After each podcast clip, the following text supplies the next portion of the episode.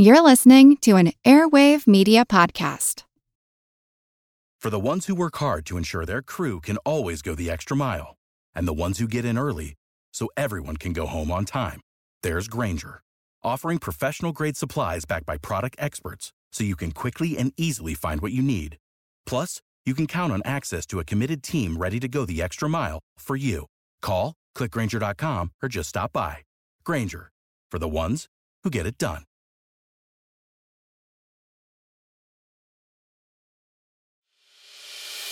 As a longtime foreign correspondent, I've worked in lots of places, but nowhere as important to the world as China.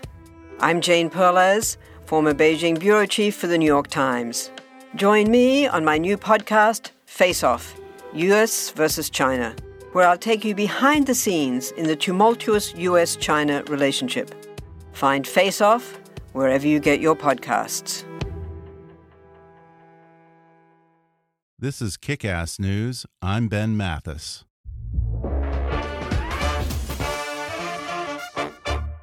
We're sponsored this week by Decode DC, the podcast that gives you an honest look into how politics affects your life. You got to hear this guy, Jimmy Williams. He's the host of Decode DC, and he's worked for Republicans, for Democrats. He's even been a lobbyist. And he's taking all that experience and explaining how things really work inside and outside of Washington. Decode DC is smart, often surprising, and challenges the conventional wisdom. Now, you know I'm a politics junkie and I'm a big evangelist for podcasts. This one is one that I've been listening to for a while now, even before they became a sponsor.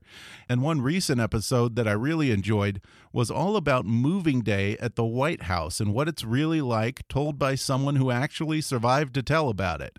Did you know that when the presidency changes hands, just like it did a week ago, the White House only has five hours between the time the outgoing president leaves for the inauguration and the new president returns from the inaugural parade to get the old president and his entire family and their stuff moved out and the new one completely moved in. Fascinating stuff. There's even an ongoing series on how politics affects the food you eat, from salt to sugar and everything in between. So check it out. I'm a fan, and I think you'll really love this one. That's Decode DC, as in District of Columbia, available on iTunes, Stitcher, or wherever you get your podcasts. And now, enjoy this podcast. Hi, I'm Ben Mathis, and welcome to Kick Ass News.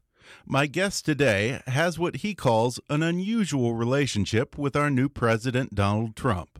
Hugh Hewitt interviewed Donald Trump 15 times on his nationally syndicated show throughout the 2016 presidential campaign and participated as a panelist in four primary debates.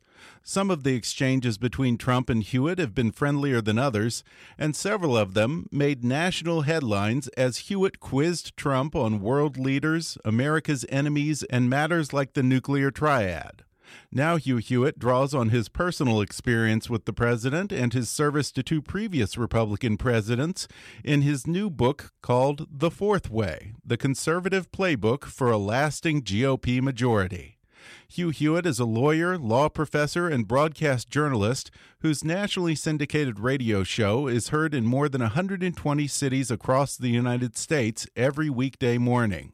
Professor Hewitt is an analyst for NBC News and MSNBC, and he's a regular guest on Meet the Press, CNN, and Fox News. He's the author of more than a dozen books, including two New York Times bestsellers. He's a weekly columnist for the Washington Examiner and Townhall.com, and writes daily at hughhewitt.com. Before that, Hugh Hewitt served for nearly six years in the Reagan administration in a variety of posts, including assistant counsel in the White House and special assistant to two attorneys general. He's a graduate of Harvard College and the University of Michigan Law School, and he's taught constitutional law at Chapman University Law School since it opened in 1995. Today, he comes on the podcast to talk about that unique relationship with President Donald Trump and propose what he calls a fourth way for the president, in cooperation with Congress and a united GOP, to lead us out of gridlock and the destructive political showdowns that have marred Washington for the past quarter century. He'll outline the key points of the Fourth Way and discuss how Abraham Lincoln and Alexander Hamilton implemented this particular mix of policies with great success in their days. He'll share his ideas for President Trump's infrastructure program and why he says Donald Trump should emulate Nixon in China when it comes to immigration. He'll discuss why he's opposed to overhauling the U.S. tax code and why he's for Trump's plan to build a 350 ship Navy. He'll also explain why the fourth way must be put into motion quickly, or Donald Trump could risk losing his congressional majority and even impeachment. Coming up with conservative radio's Hugh Hewitt in just a moment.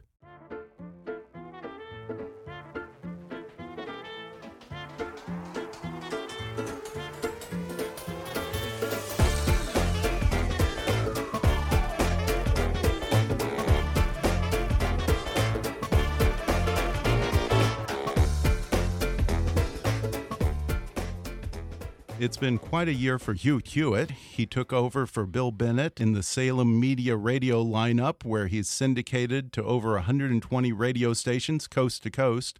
He also recently joined MSNBC and NBC as political analyst this past year. He's become a regular on Meet the Press. He made more than a few headlines sparring with Donald Trump during the 2016 election, including as a panelist in four presidential debates. He writes about his unusual relationship with Donald Trump and outlines his map for the Trump White House and Republicans in Congress in his new book called The Fourth Way The Conservative Playbook for a Lasting GOP Majority. Hugh Hewitt, thanks for sitting down with me. Ben, good to be with you. Thank you for being interested in The Fourth Way enough to have a conversation about it. Absolutely. Now, you've interviewed President Trump 15 times in the past election, plus, you were a panelist on four debates. Uh, during one interview, you said, quote, we have an unusual relationship, you and Donald Trump. How would you describe the current state of that relationship? It's exactly as he responded in that interview in August, I believe, when I said, You and I have an unusual relationship. He said, It's fine. It's fine. I respect you. You do good work. It's fine. And um, uh, that's not a direct quote, but that's pretty much what it is. And and that's exactly what it is. I. Uh, it's only fine. It's not terrific. It's, no, it's only fine. Or... fine. Yeah, I respect you is what matters more than anything in a broadcaster's beautiful? career. Wasn't beautiful, just fine. And uh, it evolved from. Um, simply being Switzerland. I did 170 interviews with would be Republican nominees. And right. Every one of them except uh, the former governor of Virginia, Jim Gilmore, I did not interview. So I interviewed them many, many times. I interviewed President Trump, now President Trump, 15 times as candidate Trump, some before the nomination, some after the nomination. I would consider myself very supportive of him. I was very critical of him during the Judge Curiel episode, right. and he stopped. And those of us who were critical of him, I believe, saved his candidacy by being loud enough about that that he realized because he kind of tone deaf on issues of race. He's not a racist. Yeah. I don't believe it for a second. I don't think he's homophobic. I don't believe it. But he is indifferent to the language of race. And so when enough people say the same thing loudly, he hears it and he doesn't necessarily say, I'm sorry. In fact, he never says, I'm sorry, uh, proving that Love Story was wrong. Uh, he, always, he just stops, and that's good enough for me. Yeah. And then the second time was after the Access Hollywood tape came out, and right. uh, kind of shocking, and I called on him to withdraw from the race. He didn't. So then I supported him. I voted for him. And I campaigned for him all summer long. Uh, and I'm very glad he won. And we're talking after Judge Gorsuch was nominated. And if we go mm-hmm. back, Ben, to January of, of 16, when I was asked, would I support President Trump. I said, Of course, I always support the Republican nominee. And the question was why? And I said, The Supreme Court's stupid. And mm-hmm. a lot of Trump doubters did not believe he would deliver on his promise. Right.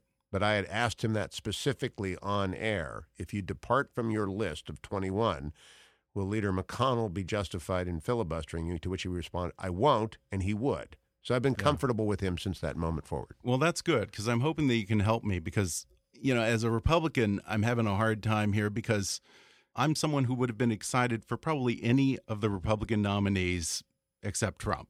There's a lot about this man that I find problematic on a personal level. Um, and yet I really don't want to waste this unique opportunity that Republicans have.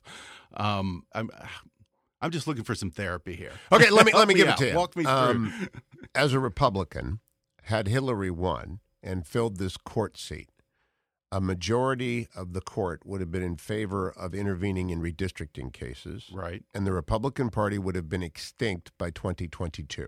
I believe that. And Right. I believe that based upon Justice Breyer coming to my studio five years ago and saying his biggest regret was not getting into the redistricting case. He only has four votes to get into them. There, there's a bar on uh, political question doctrine. I won't bore your listeners with it. I teach con law at the Fowler School of Law at Chapman University, and I always spend weeks trying to explain what redistricting law is. And you know the eyes glaze over in the students, and then nobody wants to hear about it. But the bottom line is, if the court gets into redistricting, the Republican Party is dead because it will uphold redistricting plans like Massachusetts, where there are no Republicans, or New York, where there are a few, or California, where there are a few and falling, and they will strike down plans in Texas and in in Pennsylvania and Florida, where Republicans have been favored, in Ohio, uh, in the classic gerrymandering that has always been for political questions. So, number one, if Donald Trump have won, the future of the Republican Party would be academic because we wouldn't exist uh, as a legislative party. Number two, he is going to build a 350 ship Navy. And Yeah. the Navy has always brought the Republican Party together since the time of Reagan, and he's gonna he's gonna build Yeah. those ships, Ben. Yeah. Now, I'm not going to do something as as basic as ask you to give him a grade on his first week, but um, for you, what have been the biggest hits and misses of the nascent Trump administration in this first week or two? Uh, in the first two weeks, I described it to Chuck Todd on air as you go to have a concert. I love to go to concerts. Most recently, I went to uh, Jackson Browne. Of course, you know, way to the left of anything Yeah. that I've ever believed, but he's a wonderful musician, a terrific lyricist, and a great performer. And in any concert, there are a few songs that are off. You wonder where did that come from, and it's from the new album, and he's just trying it out for the first time, and you don't really like it, and and so it's been a great concert. That's what I told Chuck with a couple of bad playlists. Now I've changed my analogy a little bit. Sometimes it seems like I walked into the battle of the bands with all three bands playing at the same time. Uh, and if you are my age, they used to have battle of the bands at high schools in the 70s and the 80s. And three bands would come and they'd play a set, and then you'd pick one, they get to come back the next week, et cetera. Well, sometimes it seems like the battle of the bands in the Trump administration with everybody talking at the same time. And therefore, messaging gets very difficult and hasn't been disciplined. I believe the worst part of the first two weeks was the rollout of the uh, immigration pause and visa pause and refugee pause. It's not a ban, it's not a Muslim ban, but it was poorly rolled out.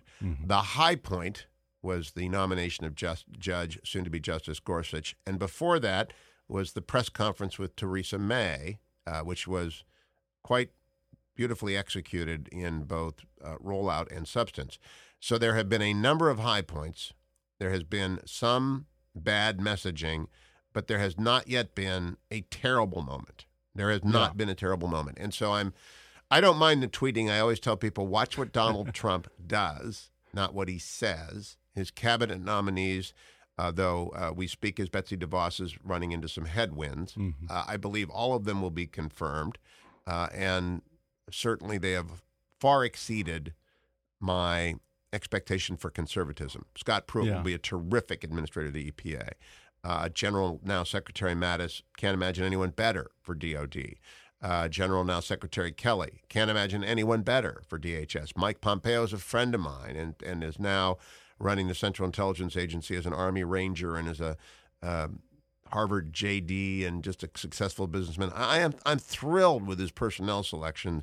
I'm not happy sometimes with the optics, but they'll learn. I mean, there's no honeymoon. This is the Right. no honeymoon presidency. Right. Right. And one of the things that amazes me about this book is you're referencing appointees in the book. I mean, how quickly did you get this book published? Story of the Fourth Way is interesting. I had put forward a proposal for publishers to consider in nascent outline form about how do we rebuild the Republican Party, expecting, as did everyone else, that Donald Trump was going to lose on election night. I was on NBC News that night.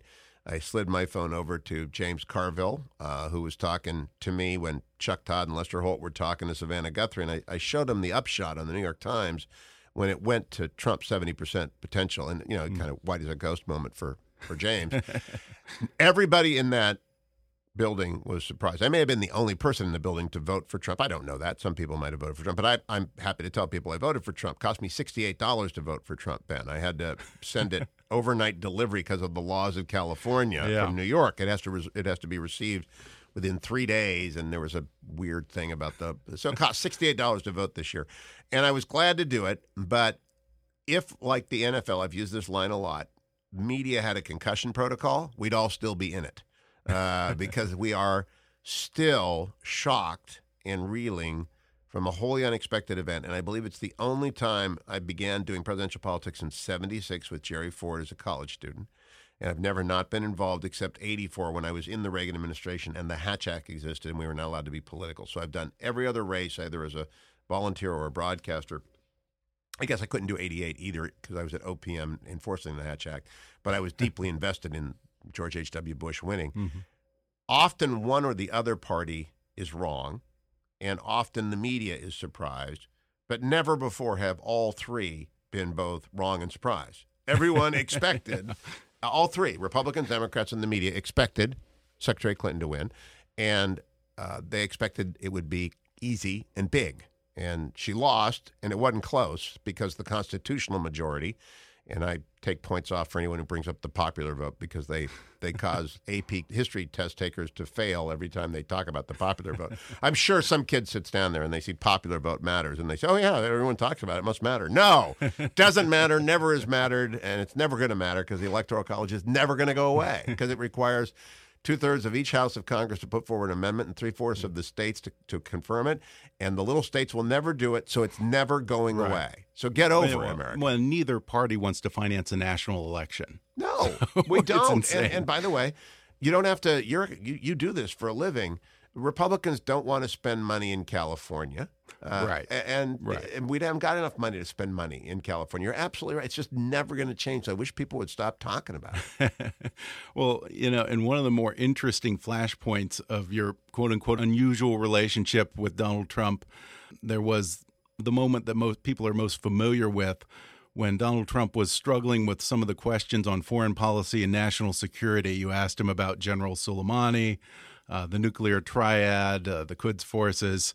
I don't think that those were unreasonable questions to ask of a Republican presidential candidate. I tend to think that most of the other candidates would have gotten those right. He did say during the debate if he were elected, he would, according to him, understand those issues and know those leaders and know those names better than anyone ever in the history of government. Uh, do you think that's the case? Do you think he's uh, now that he's in the White House, he's a quick study on these things? He's a very quick study. He's a developer. I've been working for developers my whole life, and that's what they do is they move project by project. They learn the parameters Yeah. of the project. They establish a critical path, and they move forward. In the Quds Kurds interview that you referenced, part of that was on me. You and I are sitting across from each other.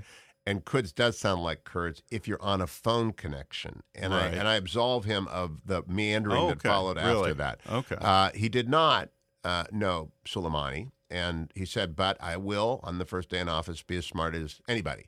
And he brought along Mike Flynn, and Mike Right. Flynn is as smart as anybody out there. Yeah. a lot of people don't like Mike Flynn. I like General Flynn a lot. I've I've sat down with him in green rooms. I've interviewed him on the air. I've read his book Field of Fight, uh, and he is very, in fact. He was the one who walked out and delivered a message to the Iranians. You're on notice. And uh, Flynn and Mattis know Iran, and they know exactly who Soleimani is. They know where he is fighting right now. They know he was in Aleppo uh, when he was directing Hezbollah and the Quds Force, uh, expeditionary force, to assist Assad. They know everything about him. So Trump is getting what he would a developer would. Give me the bottom line on Iran, Mike.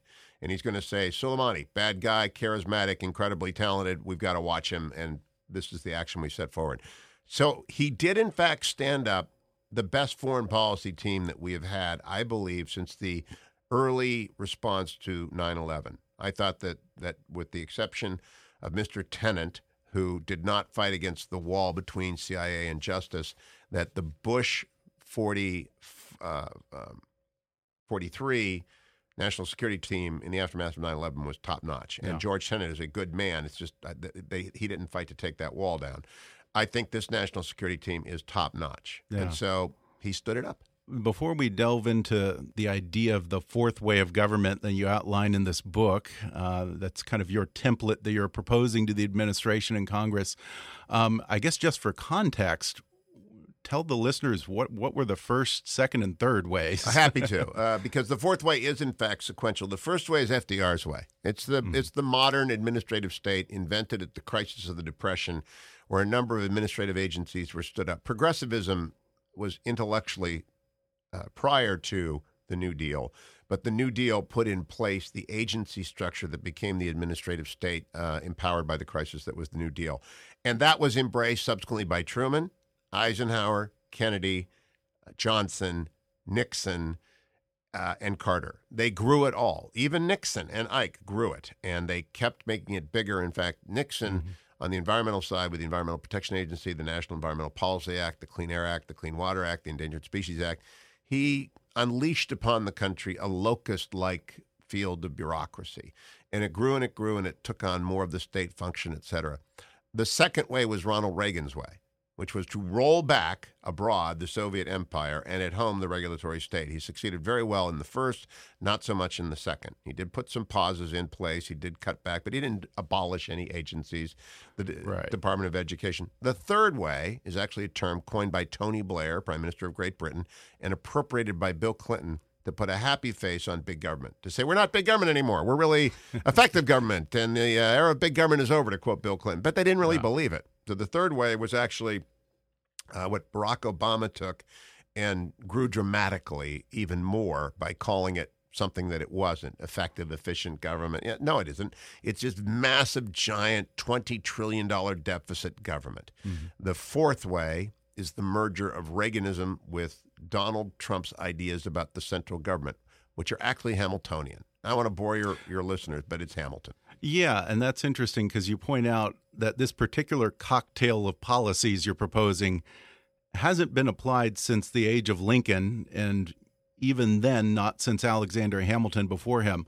Um, what did Lincoln and Hamilton's versions of the Fourth Way look like? Well, Lincoln, of course, was managing a civil war, so he had a huge federal apparatus in the field.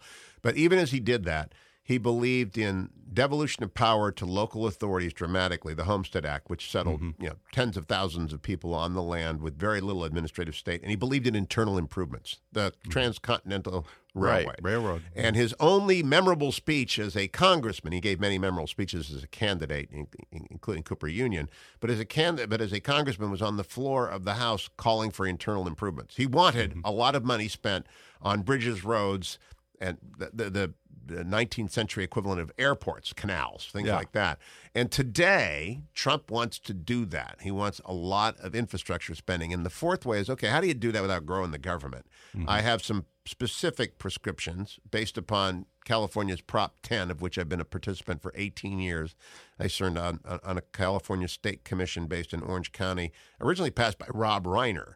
Yeah, I was surprised to see you praising, of all people, Rob Reiner, such a noted liberal. Prop 10 is something that you talk about as being a template for national infrastructure implementation. What is it that we're doing right in California that you think could be applied here? Uh, when Prop 10 passed, it applied a 50 cent per pack of cigarette tax, which was right. then divided up 20% to the state, which is lost money. That's wasted money. And 80% went to the counties and in the county you got a check. So every year in Orange County they get between 20 and 30 million, uh, sometimes as much as 40 million dollars. Here, spend it on this objective to make children age 0 to 5, including the unborn, through 5 healthy and ready to learn by the time they begin mm-hmm. school. That's the objective. You do what what you want. Totally local control. So Orange County put together a board of 9 people, of which I've been one for 18 years. I went to my last meeting this week uh, because I'm, I've moved to Virginia and I can't sit on a California commission as a Virginian. Okay. And so uh, we have spent over that time about a half billion dollars on uh, whether it's dental clinics, autism clinics, swimming pools, um, child obesity clinic, you name it. We have done a half billion dollars worth of infrastructure. And from that experience, I have very defined views that you don't want a lot of rules. You do want volunteers running it people like me, you know, they, they pay me hundred dollars a meeting. I lose money every time I leave the door for this doggone thing, and I'm under the I'm under the ethics rules of California, so I haven't had anyone buy me lunch um, in 18 years because you can't under the the Orange County has something called a cup of coffee uh, law, so that no one can buy me lunch. So for 18 years, no one's bought me lunch unless I can demonstrate reciprocity back uh-huh. and forth, and that's because they gave us the power to do what was right from my own backyard. And I know better than anyone. I've tested this out, Ben. If I if I go into any community in the United States and I say to them, I, I find some smart people, um, and they can be all uh, dog catcher, doctors, lawyers, teachers, university professors. Well, maybe not university professors, but normal people, business people, uh, homemakers. What does your community need? They know. If you go to churches and Right. synagogues, they know who actually runs the most effective homeless or the most effective pregnancy crisis counseling or the most effective drug intervention. They know. And they know what is needed. If you give them the money, they will build. And my second example Yeah. came from Phoenix, Arizona, the neighborhood Christian clinic, wholly privately funded. But if you give them, and I, my, my number is $100 per person in the county, so that every American gets the same amount of help in their county, and you do it by county and you do it by volunteer boards, infrastructure building, actual good things will happen mm-hmm. across the country. We're going to take a quick break, and then I'll be back with more with Hugh Hewitt when we come back in just a moment.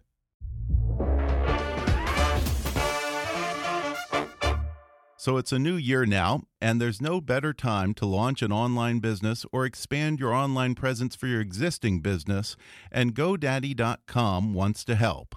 GoDaddy's mission is to radically shift the global economy toward life fulfilling independent ventures, helping their customers kick ass by giving them the tools, insights, and the people to transform their ideas and personal initiatives into success. GoDaddy is the world's largest technology provider dedicated to small business and the largest domain registrar with over 62 million domain names under management and big savings over other registrars. Their award winning 24 7 support will help build your online business and give you everything you need to get up and running. Whether you have a new idea or an established business, the key to success online starts with a great domain name, and GoDaddy is trusted by 13 million customers. That's more than any other registrar. And right now, my listeners can get a special discount on a GoDaddy domain if you just use my offer code KICK30 at checkout to get 30% off new purchases. That's GoDaddy.com and offer code KICK30 for 30% off. You don't have to spend a fortune on a domain. Just go to GoDaddy.com and type in the offer code KICK30 at checkout for 30% off and launch your online business today. And now, back to the podcast. The one thing that I take issue with is the type of infrastructure. Um, my concern is that Trump is going to just create some kind of a bloated WPA like apparatus that's going to just be building a bunch of shiny new post offices and, and you're you're kind of the Robert Byrd of public swimming pools. I am. I believe in public You want a whole pools. bunch of aquatic centers. You know, my my concern here is that, you know, instead of these trophies and these brick and mortar projects, I feel that we need infrastructure that actually makes America competitive and brings back jobs. Stuff that isn't necessarily quite so tangible. Uh, regional transportation projects that cross state boundaries, hardening the grid, uh, faster, wider broadband internet. I mean, we're 26 in the world in terms of internet speed. These aren't the kind of things that Donald Trump can, you know, host a ribbon cutting for. In the, um, I propose that the Congress give the president one tenth of what it gave President Obama, Okay. which I believe he will do a hundred times as much. So they they provided President Obama in 2009 with 850 billion dollars. That was largely because of the economic panic, and they just flooded the world with money. Right. Uh, so I don't want to give 850 billion dollars again. I want to give him 85 billion, and of that 85 billion, only about 25 go to the locals. A lot of it goes to the Secretary of Transportation with near complete Right. discretion to do those kinds of projects. Port Right. authorities, airplanes. Not sure about broadband. The private Right. sector should be able to do broadband. I mean, they ought to be able to find money in broadband. The Federalist approach, the Hamiltonian approach, is what will not be done if we don't do it. Mhm. And at the local level, we know no one builds a homeless shelter to make money. Nobody does. Right. There's no money in homelessness. and nobody builds an airport to make money because you can't get the capital ever to return. You mm-hmm. got to, and no one has, fields an army, a navy, a marine corps, and, a, and an air force. So you got to find what is not the market cannot deliver, and then give it the money to deliver it in an effective, efficient way. So I don't think we actually disagree. I like some of your projects. Transportation hubs are good. but local people know where to build them. Right. That's true. Yeah. That's true. That's Not true. Jerry Brown's Train to Right. Nowhere, which is a Right. jam down in the Central Valley that they Yeah. don't want, that will never get built, is Right. a giant waste of money. Well, yeah, and it's it is kind of annoying to me because California has given high speed rail a bad name. I think Yes, they have. I think there are certain urban centers in America that probably could benefit from that if people could have a faster, farther commute. If uh, he had into built town. that train from LAX to Sky Harbor in Arizona or to Nevada to Las Vegas, Mm-hmm. Yeah. I'd be all in favor of it. Yeah. People actually make that trip, and, Yeah. and I've taken the high speed rail in Japan. I know that it works and that it provides an alternative. Mm-hmm. But to build it in the Central Valley is just stupid. and that is a government imposition on what is, if you give that money to LA County and you say you've got to spend on transportation, they'll fix the port. in here you also propose giving 25 billion in infrastructure spending to representatives and senators to dole out in their states and districts but only if they vote for the Yes. overall infrastructure bill that you're proposing again i'm not trying to play too much of a devil's advocate here but it sounds a little bit like the spoil system isn't that what trump's people voted against No, it is the spoil system. Okay. It- it's, it's, it is this, it's, Okay, it- it's pork on steroids. And Yeah. I, I want to be very clear about that. Jim Swift of the Weekly Standard asked me about this. I said, Oh, it's log rolling. It's it's what we have been doing in this country forever. Only we make it completely transparent with accountability. Okay. The Okay. trouble with the what happened with earmarks is that nobody knew where the money was going, and nobody knew who was directing it because it was being done by the appropriators or the cardinals in mm-hmm. secret. And there were a lot of people who didn't get even a share in their county if they didn't get an appropriations cardinal. So it set up a government within the government. It was very nefarious what earmarking did. I suppose the old school was, what do you want? Uh, Yeah. what do you want your district, Right. uh, Ben? And Yeah. and put your name on it and cut the ribbon. and that actually produced. And I and I, you said a bad word about the WPA. I kind of like the WPA. Yeah? It's the only thing I liked out of the New Deal. The Civilian Conservation Corps. They didn't acquire any skills. Uh, and maybe they didn't starve, and they they built some roads in the national parks, et cetera. But WPA, anyone who's listening can go with wherever they are in this country and find a WPA project. right They that's can't. they- true and and that is still there. yeah Uh, 90 years later, or 1936, whatever it is, 80 years later, they can go and find it. And I, I write in the book, my first job was in a WPA pool at Waddell Right. Park in Niles, Ohio. It's still there. The park's still there. The, I don't know if they're running the pool anymore. They ran it three years ago, last time I checked. And so who knows what happens in three years. But it can be done. And, and if we're Mm-hmm. going to spend money, and by the way, Trump can't campaigned on this. Mhm. And I'm all Yes, about. I'm all about he campaigned on the list of judges and he delivered. He campaigned on a Mhm. 350 ship navy and he delivered.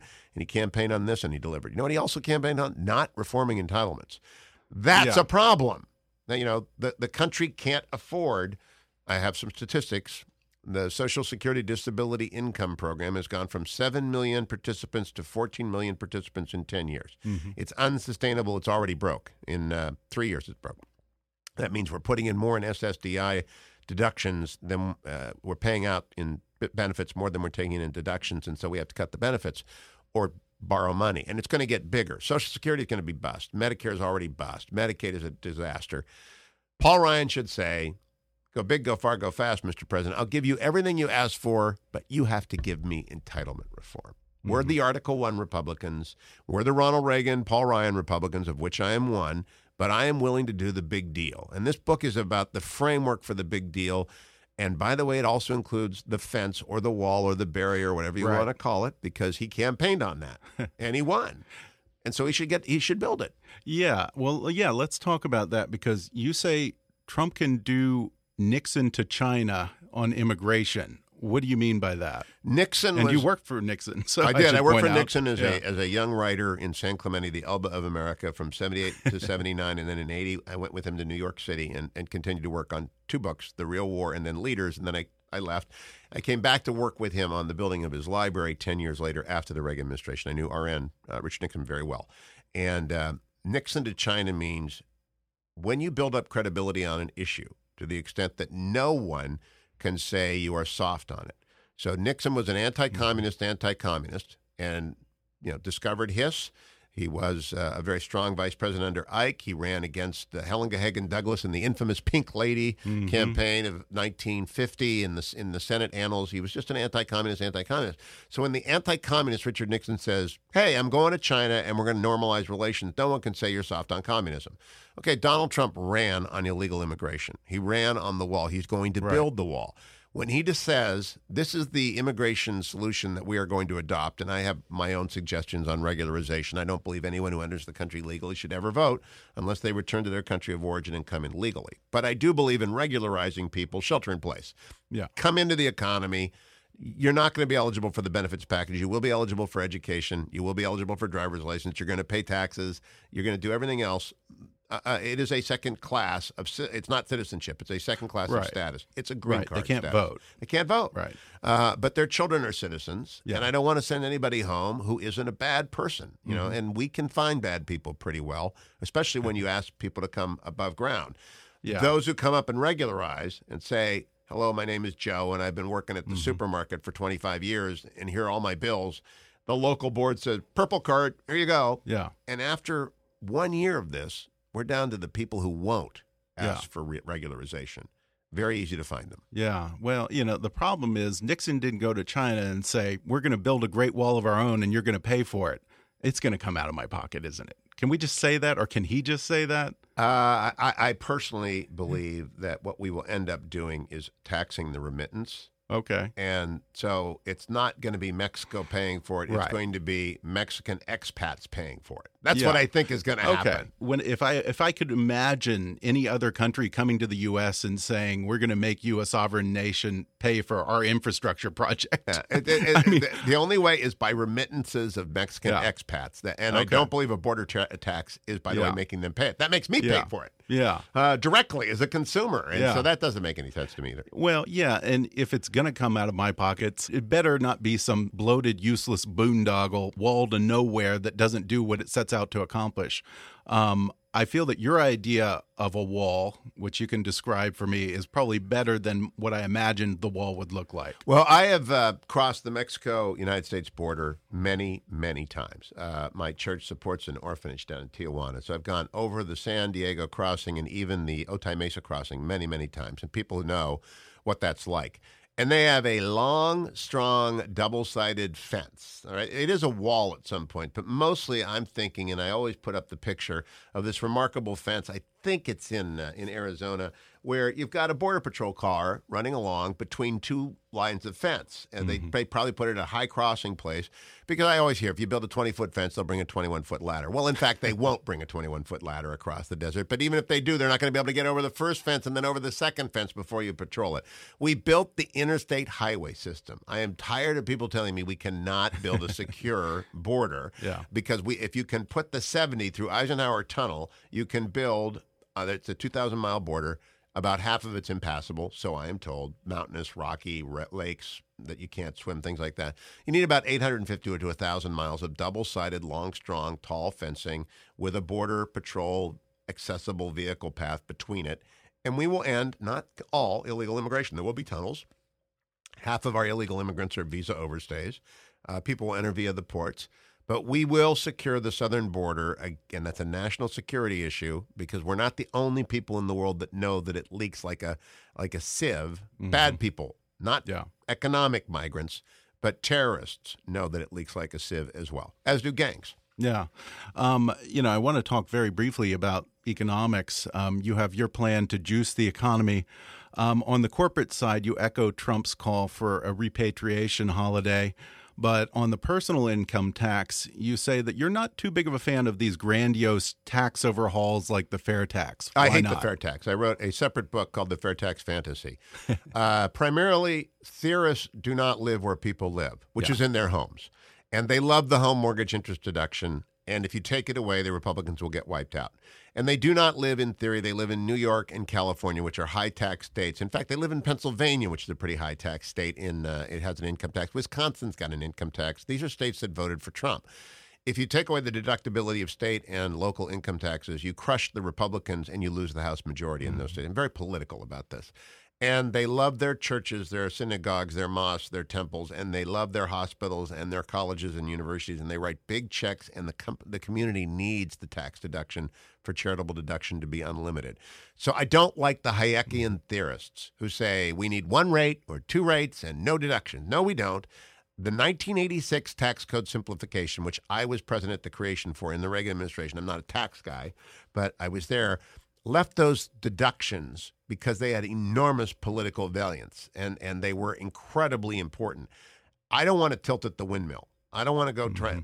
What my uh, appendix in the appendice in the fourth way puts out is a senior partner at Deloitte, now retired, Hank Adler, wrote for me how you can simplify tax forms so that people can do them without assistance of professional. They want simplicity. That's all. And for rules to stay rules and stay set. And if they pull the rug out from underneath homeowners, we will justifiably be crushed at the polls. And you say that the president and Congress will have to implement these plans quickly or they're going to fail. What's the urgency? Midterms? Yes. Uh, okay. Uh, you have to put results on the table by 2018 because he's okay. going to be judged on it. Uh, Ronald Reagan got slaughtered in 1982. Slaughtered. Right. Uh, I was there for that as well. Uh, George W. Bush did not get slaughtered in 2002 because it was a year and two months after 9 11. It was a national security election. That's not going to happen, I hope, I pray, in 2018. We're going to have a regular off year where the party in power gets hammered if they haven't done what they said they would do. Mm-hmm. So go big, go far, go fast. The need is for speed not Washington standard business as usual. And the worst case scenario here is you bring up the specter of impeachment toward the end of the book. That was a little surprising for me. Hmm. Uh, well, I'm a law come, professor. To come from you, but um, I'm a law professor. Do you think that's a real possibility? Yeah, David Brooks said it would happen in the first year. I don't believe that. Right. I believe it will happen only if the Democrats take control of the Congress. They are okay. already laying the groundwork for it by claiming that he is in violation of the Emoluments Clause, which I do not believe is the case a lot of commentators are trying to use the word obsess 15 times every time they appear on television in order to create uh, suspicion about his capacity to govern. I can see it all happening, but they need the mm-hmm. House to make it happen. Now, Republicans have actually impeached one of their own, and they would have convicted mm-hmm. Richard Nixon. Democrats refused to convict one of their own, and, and yeah. with Bill Clinton, and they didn't convict Andrew Johnson either in, in, in 1868, whatever year that was. Uh, and so Republicans will do what is if, if there is genuine corruption or genuine abuse of power, and I don't think there's going to be, but if there was, they would do that. Democrats will will impeach for political purposes, and right. they're already laying the groundwork. So we have to hang on to the Congress. Do you think there are some Republicans in the Senate and Congress who wouldn't shed a tear if Mike Pence were the president? Uh, they would, but they'd also realize that if you impeach um, Mike Pence will, would be removed in a landslide to follow. The 1974 mm. and 76 elections following the Nixon mm-hmm. resignation were nightmares. And yeah. Republicans mostly want to get reelected, so yeah. they're not in any hurry for an impeachment. Yeah. As someone who worked with Nixon, uh, do you have any advice for him on avoiding yes. impeachment? Uh, loyalty is great. Hyper loyalty is dangerous. Mm-hmm. You want people, blind loyalty is fatal. Yeah. And Richard Nixon did not have time to patrol G. Gordon Liddy, a good man in his radio career, but uh, too enthusiastic for the reelection of the president, or James McCord. And for, in fact, there were a bunch of people. John Dean was weak. G. Gordon Liddy was ambitious for the president's service. Chuck Colson was out of control. This is before his conversion. Blindly loyal, energetic people mm-hmm. are dangerous. I, will conclude, if, if I can, Ben, with the German general staff before World War I had a four square box uh, energetic or lazy, smart or stupid. And they said, okay, the stupid, lazy people, you need them in the army. Mm-hmm. They can be the quartermaster supply sergeant. They're fine. Yeah. And the uh, the energetic, smart people, they become the colonels yeah. and the staff officers. They get it done. The uh, you you make the smart, lazy people your generals because mm-hmm. they sit back and they think and they worry about it. This is not General Mattis, obviously, but it's their German general staff. But you must get rid of the energetic, stupid people. You've yeah. got to get them out. and so in this case, you've got to get rid of the energetic, ethically gray people. Yeah. Uh, and I don't know who they are, but you've got to be on watch for them or they will bring yeah. you down. Yeah. Real quick, what was Nixon like? I always feel like he's like Charles Foster Kane. Everyone has a different version of him. That's very well put. Uh, he was my best boss I've ever had. Really? I spent hundreds of hours with him. Uh, extraordinarily bright, always reading, always probing, the most fun with Richard Nixon is when he would invite eight people for dinner and go around the table and ask questions and conduct conversations. And he's the only guy I could see that could, and I saw him do it many times, deliver an hour speech without notes that Wow. he would had worked on beforehand. Very, very carefully. He knew Without exactly notes. without notes. And he would stand with his hands in front of him. Many people saw this performance.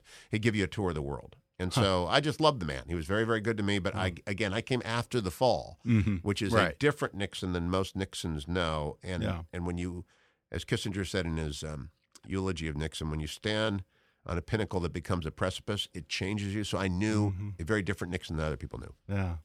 Well, the new book is called The Fourth Way The Conservative Playbook for a Lasting GOP Majority. Hugh Hewitt, thanks so much for sitting down with Ben, me. my pleasure. Good luck. Great podcast. You're doing the Lord's work. I appreciate it.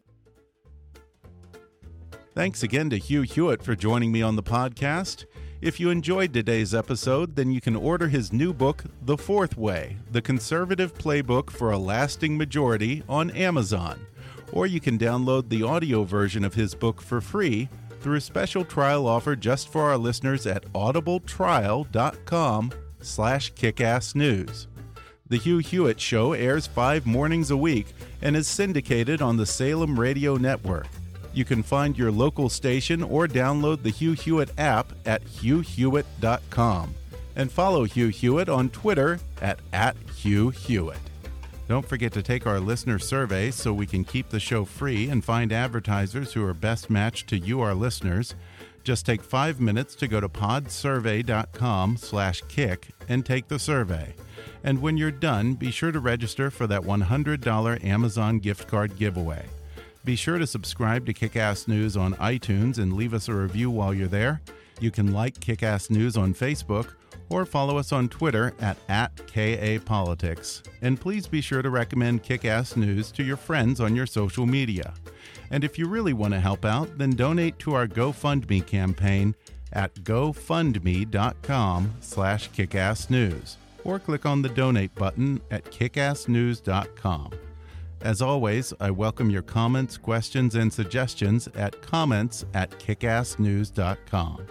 For now, though, I'm Ben Mathis, and thanks for listening to Kickass News.